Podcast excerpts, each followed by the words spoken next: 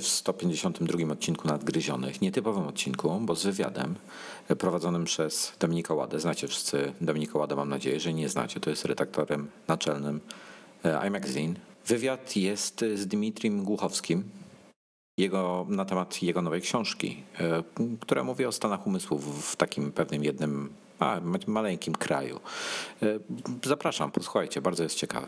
Uh, what I was saying is that uh, uh, in Russia, well, in Moscow, in big cities, Apple is becoming already mass culture. Know, it, it used to be something that only the well, intellectual elite, the trendsetters owned. And of course, I, I, for me, it was very important always to buy the first iPhone and have the first, the second, the third, the fourth, the fifth. Uh, and I, bought, I was buying up because my old iPhone was out of date, but because I wanted to be trendsetter or at least following the freshest trend. You know.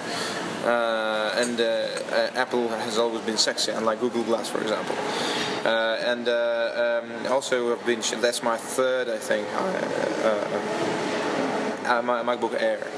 But right now, I slightly have this impression that everybody have Macs, you know, like, and, it stops being the spearhead of society that has Macs. You know, house ladies, housewives have Macs. You know, poor students have Macs, and everybody has iPhones. Whatever Chechens have iPhones. You know, Dagestani bandits have iPhones they, they photograph how they torture Russian businessmen with iPhones, how they fuck horse um, uh, with iPhones. So it, it, stops being you know something that has to do with the spearhead of the cultural revolution. You know, starts to becomes a, a, part of the mass culture, and it's sad, you know, because there is nothing new that would replace Apple any, anytime soon. But it's, it's not like this that you are. Um you know you, you are special yeah you are living in uh, uh, in different countries we are living in different countries. Uh, you, uh, you, are writing uh, books so you are traveling a lot uh, meeting with a lot of different people around the world. And it's not it's not the typical typical for you, maybe, not for the rest of, of Russia. Well, no, no. but then again, the sales of iPhones in Russia, they, they, they, have always been quite impressive. And people, of course, chase iPhones. As soon as a new one is released in the States, the next day they appear uh, uh, through contra- contraband, they appear uh, in Moscow like black electronic markets, you know uh, overpriced two times or three times. You know, when the gold one was released. Uh, yeah, I, I, I, have seen it yeah. on my on my eyes uh, mm. when we were on Dresden uh, when the uh, when the iPhone uh, the pr- premiere of iPhone was uh, uh, in Apple Store. There was a you know two or three um, buses from Russia guys uh, buying. it was I, I think three buses to 300, uh, 300 uh, iPhones were bought by them and uh, smuggled. Yeah, exactly. They just just just the people stay in a queue just for to buy them. That's it. Because they launch in Russia for some reason. They launch I don't know two weeks later or a month later. That's it, it, it, it's the same in Poland. It's the same in Poland. Probably this year will be the same time. Uh, so the, the, kind of rumors are, but uh, it's, it's it's the same. It's, I think that this is a. Uh, um, everyone to have it. So this is. And that's a problem. When everyone wants to have it, that's a problem. I mean, when the minority wants to have maybe, it, maybe everyone wants to have it because wants to read your books on on the on the iPhones and the iPads. Uh, well, my books are available now thanks to my publisher.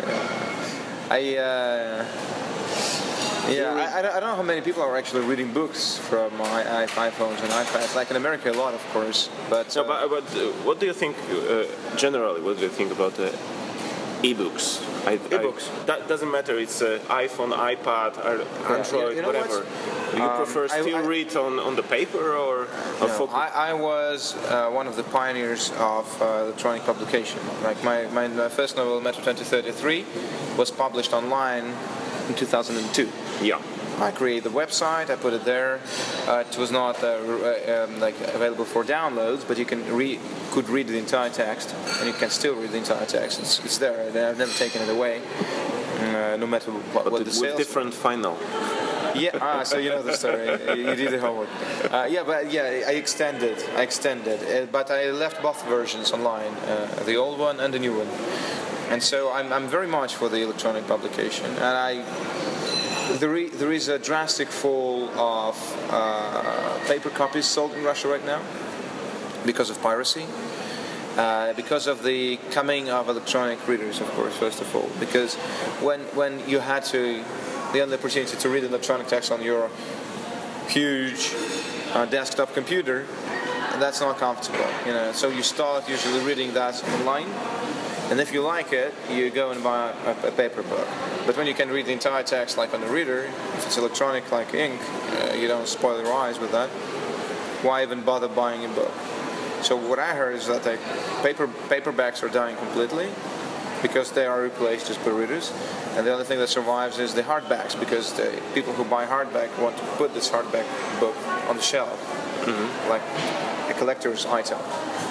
Uh, but I still, you know, I think that uh, the author is not about. I mean, there are better ways to make money than to write books, safer ways, uh, more lucrative ways. I mean, pump oil and gas, sell wood, kill people. You know, better ways. You know, easier to, surer ways to, to, to get rich. Um, authors should not think about that in, in the first, like, uh, in the first priority. When you are a book author, you create ideas, you create worlds, you give life to imaginary characters, you make them living people, and they live as long as you are able to contaminate with them other people, other people's minds. You know, so uh, ideas or text, uh, they're, they're a virus, and you have to spread it, no matter what. If you will be asking people f- to pay money for spreading it, like for getting contaminated, uh, it's not going to be fair. You know, your priority number one should be cover as massive an audience as possible, Yeah. and make them think what you think, and make them feel what you feel. So, I've never actually taken any of my texts from my websites, and they're all available there. I'm having quite a, an issue with the publisher because the publisher is chasing the pirates now, but I've always insisted that on my websites they should be free to read. Uh, you, you were talking about the spreading of ideas. Uh, so, where is the, uh, let's say, where is the um, clue of the popularity uh, and um and uh, uh, the situation that your uh, uh, first book became uh, the the beginning of the international project with uh, a lot of different uh, from different countries uh, uh, authors uh, uh, writing books in your uh, universe. Where's the key of popularity? No idea. Uh, you know, you know, I, I didn't, I didn't construct this. That, that was not a commercial franchise planned as a commercial franchise. I'm not George Lucas and Lucasfilms, and I'm not this American commercial monster. Things just happened. I wrote the book. The book found its readers uh, because it was placed online for free. People from wherever across Russia and across the world in Russian could read it. I didn't ask people to pay money for it. They were not dependent on the bookstore logistics. Uh, and I didn't ask, you know, youngsters, schoolboys, and students to choose between a date with their girlfriend and the book to read. So uh, that was one thing. Then the, there was a video game coming, so I kind of occasionally discovered transmedia, and I used it very much. I've been uh, integrating the plot of the game to the plot of the book, and the plot of the next book, and the plot of the previous game, telling one story across different media. Five years later, that will call transmedia, but like I was also pioneering that. She's coming back. Okay. And uh, then uh, I, I thought that um, there are many readers for, for this book, but I want to have my, my hands free. I don't want, like now, because people like this write, write another Metro book and another Metro book just now, just because it's the momentum and people are buying it. Like, screw it. I want to buy. I, I, I want to write about other things. Maybe as I'm coming back now, like five years later after the last book, I will write another Metro book. But I want to have spontaneous, independent story, good plot, and things to tell. You know, i- ideas and ideology and philosophy to put it. I will not like squeeze it out of myself. But uh, there are people lining up for the next book, and there are people who says like, "May I write a story based in your world?" So I just link these two groups, and they, they entertain each other, and there is a a, a, project that lives its own life. You know, there are 50 books of the Metro Universe right now in Russia. Uh, some of them are written by uh, Italian, uh, English, uh, Cuban, and now Polish author. Mm-hmm. Uh, and that's great. I mean, people just play in it, they live in it, and it happens like to, to have a shape as a, of a franchise. But it's not. It's all the same. That uh, I don't know, huge American publishing house makes a huge contract with George Lucas Films, and they hire some cold-blooded American mercenaries that do not care about what to write, and they write about the young years of Luke Skywalker. And they have that thick Bible of rules. What Luke Skywalker did he masturbate or not when he was a teenager? You know, did he whatever? Was he traumatized when he was sucking at his mother's breast? And, uh, you know, I'm basically letting people create their own characters and explore it, explore the world around them. You know, just don't spoil the field for everybody. Whatever your character sees with your own eyes, write about that. You know, and don't tell everything about the world. Let the world be mysterious, and that's enough. You know, I'm not controlling every step. It's it's living its own life. So I just launch it, and then it exists, and I move further. Yeah, but you, you mostly know exactly from this uh, what you have created about Metro, but now you have. Um, uh, you have published uh, uh, your new book because you're um, uh, Welcome to Russia. This is the title in, Poli- in, Polish, but it's originally it's Stories of Motherland. Yeah. exactly. Um, it's a book from written four years ago. Four years ago, yeah. So in Poland, it's I think now it's quite good it's momentum. good momentum because it, it's it's a moment when a lot of people are talking about Russia. Yeah, Not no. always in Vla- way. Vladimir, Vladimir Vladimirovich helped me a lot with Exactly. promoting this book. I'm very grateful to the son and, leader of the party. all our publishing plans. yeah, he, he, he helped you a lot, you know. Yeah, uh, you, know, you know, just th- then again, I, I don't perceive myself as a genre author, and definitely not as a commercial author. The fact I'm commercially successful is nice, but that should not define my future plans. You know, if I feel like writing uh, uh, a cheeky uh, satire book about today's Russia because that's what, what's thrilling me right now. That because that's what I feel important, like speaking about right now. I have to do that. You know, I, I don't have to write another like, adventure. Okay, so I got famous with a book for teenagers and young people that I wrote when I was a teenager and a young person.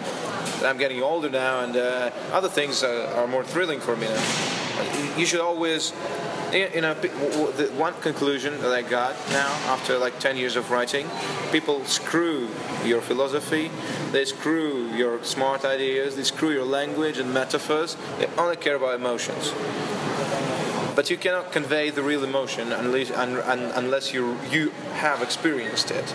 You cannot But you, speak. you, are, you are in confront, uh, comfort situation because uh, you, you are not like uh, I don't know uh, famous painters uh, from 17th century uh, uh, when uh, their painting is uh, on the wall and someone coming to the to the painting and wondering uh, what the author uh, was wondering painting this. You can read it uh, what the people are thinking about what you have wrote and you can uh, start to, to think about these emotions. Is it correctly, uh, let's say, uh, read it by, by the readers or not? Well, the interactivity that comes with the internet age. On one hand, it can, it, it, it's good, of course, uh, because it, it, feeds your emotional vampirism. You, know, you cannot.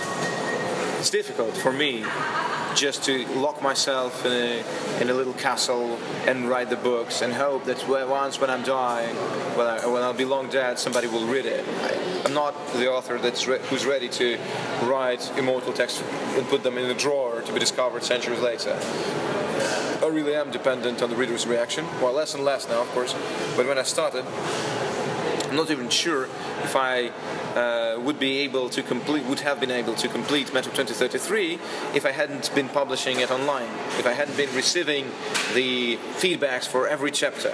I published chapter by chapter, not because that was the smart format, but because I really needed people to tell me that they like it, you know, that they liked it, and I, I really needed people to, to beg me to continue, because otherwise I would be too uncertain of myself and too lazy to continue. But then with Metro 2034, when I decided to be smart ass and, and uh, experiment with the genre, keeping the book under the same title, uh, I, I got it backfired. You know, I got all the possible shit in the world in my poor hand. And when people were so disappointed with me, they expected something completely different. They, they wanted me to continue the style and the genre and the characters and language of the first book, and I gave them completely something completely different. I thought that I was outsmarting them, giving them something that they don't expect and they will appreciate it. No. so they did not appreciate it at all, and it was a real test for me because every chapter I And what, is the what uh, uh, what are the reactions uh, which you are uh, uh, let's say uh, observing after your This? new book uh, Welcome to Russia? Uh, so with 34, I really had like rivers of shit, you know, and I had to bathe in them. And I stopped reading the comments and then switched off the comments because that was too depressive for me. And but I, I still completed the book in the style I wanted to complete it. I'm not happy with it, but uh, but but but that's it. Uh, with the stories of Motherland, um, with uh, Welcome to Russia, mostly the feedbacks were, were good up until the moment when because right now the uh, Russian whatever like the administration of president which is the only political organ in Russia. You know the the, the parliament the courts the whatever mm, the, the government they're all just you know puppets dancing on the scene. And the real the only real evil mastermind that uh, directs them all is the administration of the president. So it's the the real organ for internal politics. Uh, so they are hiring the hordes of trolls, uh, pro-Putin trolls that you know, like uh, orcs and trolls who, who would invade completely everybody's Facebook accounts and shit in it and say whatever, however shyly you criticize Putin, you will get like 10 empty profiles saying, No, Putin's our president, you fucking liberal bitch, you sold your soul to the West, you know, Conchita Wurst will fuck you, you know, all that. you fucking gay Nazi European, you know.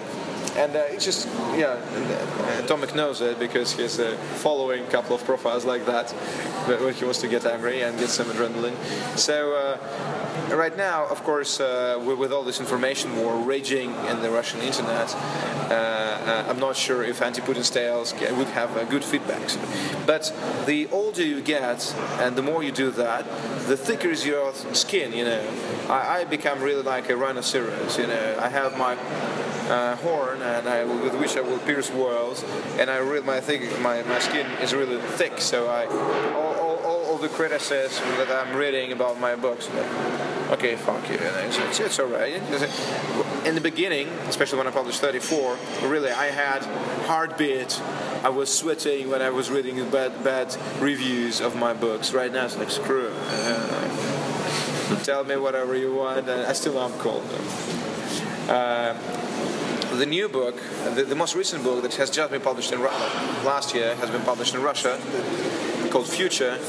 Yes, I've seen uh, already the German versions uh, Yeah. on the on the iBook store, for example. Yeah. Not yet in Poland. Yeah, no, it's not translated yet. It's coming out in, uh, in autumn. But then it's a completely different style and a very harsh language and some hardcore like porn scenes, things that I've never done before. But uh, then it's so strong emotion. Like, there are people who are subverted, uh, repulsed by violence and sex, and they give bad licenses. But whoever is ready to understand that it's, it's necessary for the purpose of, of the creation and it, it, it's on its good place. It's not just sex for the sex, but it's because it serves the, the, the, the objective of the of the story. Then they, they give me very like uh, strong and, and approving um, uh, reviews. Of course, I'm reading that, you know. Uh, this uh, this is like book authors, like any creative people, they're vampires. They they need it. They need to be approved. They need to be or disapproved, but they need the feedback. The worst thing is to write and send it in a bottle into emptiness of an ocean. You know, whatever. Like you, you can you can say you can mix me with shit, but just just tell me something. And I know that the things I'm doing, I'm not doing for nothing. Okay, but you are mostly uh, science fiction author. Do, do you like this? Uh, do you like this uh, uh, Definition. definition? No, I definitely am not a science fiction author. Uh, I, I, I wrote two dystopias. This book, uh, Welcome to Russia, I think it's much more absurd tales or literally political anecdotes, jokes. You know. Exactly. Is it uh, how much uh, there is a, a truth and how much joke and how much fiction? Uh, everybody, including Russian politicians or journalists or people abroad, uh, about knowing the situation and curious about the situation, when they read it, they say, "But that's exactly it," you know? because uh, the Russian reality is so absurd, and the image they try to create on television and the disruption. Disconnection between the reality and the television picture is so huge that only my idiotic explanations, like my absurd explanations, can fit this disruption and can fit this reality. Uh, and um, yes, Gazprom takes its oil and gas directly from hell, and there is a contract, and uh, that's why Russian government and president has always to behave that way for its own people and to the West and to the East Europe, because you know when you got all the oil and gas for free, you have to pay. Nothing is for free. People used to die for the metal, as we know from from Faustus, but uh, now they, they're done for the oil and gas. Now, uh, can, can any other explanation fit better the situation, uh, the, the, the, the, the question uh, why uh, the rulers of Russia treat their own people as, as slaves or as animals? Oh, that's because they're extraterrestrials and they have colonized us. Know, and maybe if we're lucky enough, one day they fly back home. But they, according to the story, they only fly back home when uh, there is a huge stream of asteroids heading towards Earth. Otherwise, they would keep sucking our blood, you know, and oil and gas and psychic energy forever. Uh, yeah, and, um, So you think that we, when the people will read "Welcome to Russia," will uh, will understand the real Russia then? I'm absolutely convinced. For me, it was a guide to Russian mentality, Russian politics, and all the stuff Yeah, the which is happening in Russia. the book is- Especially the first tale, which is about the this is an explanation about the Russian politics, why Russia behaves on the political scene as, as, as it does. Now, I, I, you know, th- th- this is not a particular big book, but uh, it's also very concise and very precise. There is nothing that does not belong there. So, it's like like a patchwork, like a mosaic. Co- it covers different, very different spheres of Russian life and different characters, like typical, archetypical characters, from Russian alcoholics to the old babushkas who live in a village, to the ministers uh, who lose the the drive to lie to, for life because they have already everything, uh, including billions of dollars and all the power possible, to the leaders of the country, to the cosmonauts on the on the orbit and how they you know live in everyday lives, to the well models with the silicon you know silicon uh, lips who wants to have a silicon brain. Yeah. So it's a, it's it's not just about politics. It's a, it's a more multifaceted uh, uh, uh, portrait of the country, and uh, it took me. 10 to 15 years to really understand what is behind the television picture and why they show that picture when the reality doesn't match it and how they connect one to another and how journalists sell their souls to help build this picture uh, and uh, this is a result of my investigation. And when, when you do, you're done reading it however absurd the behavior of Russian Federation is however stupid the rhetorics of Putin are you will understand why. It fits you know. I think that I have decoded it. It took me time. I was born there went to school. I have all of my friends there. Uh, I, I've been watching the, the television like forever. It took me 15 years to deciphering, decoding, discovering, and disclosing what the system is, how the relation between the people and the rulers really function, how the people live, and, then what they think about their lives and, and, and destiny, and uh, do they have any prospects for future. Briefly, you read this, you understand Russia much better. I think We have, have to, to finish. go. Okay. So the last I would last like just to mention about uh, this, this uh, Polish metro, which was announced during Dmitri's stay in Poland. Yeah, I mentioned yeah. Yes, because uh, it will be in Nowa Huta, not in Warsaw. Uh, Have you been in Warsaw Metro? Yeah. I think that uh, No half, chance. half, no, chance. Too short. you have to admit that Nowa Huta is better. It Yeah. suits better to the story, and it's also a post-apocalyptic or apocalyptic town Yeah, well, designed to. Yeah. Well, well I, actually, I, I, I, I never insisted that uh, other stories have to unfold in the subway. We have stories unfolding in a, on a submarine in the ocean. We have stories unfolding in Russia's far north. We have stories Yeah. unfolding like when the guys are traveling from Rome to Florence Yeah. or to, from Nazi Rome bunkers. to Venice. Yeah, like Nazi bunkers, whatever. It's just the post-nuclear thing, post-apocalyptic thing, and whatever. It can be in taiga or in desert. You know, can be Arabs, can be Chinese, whatever.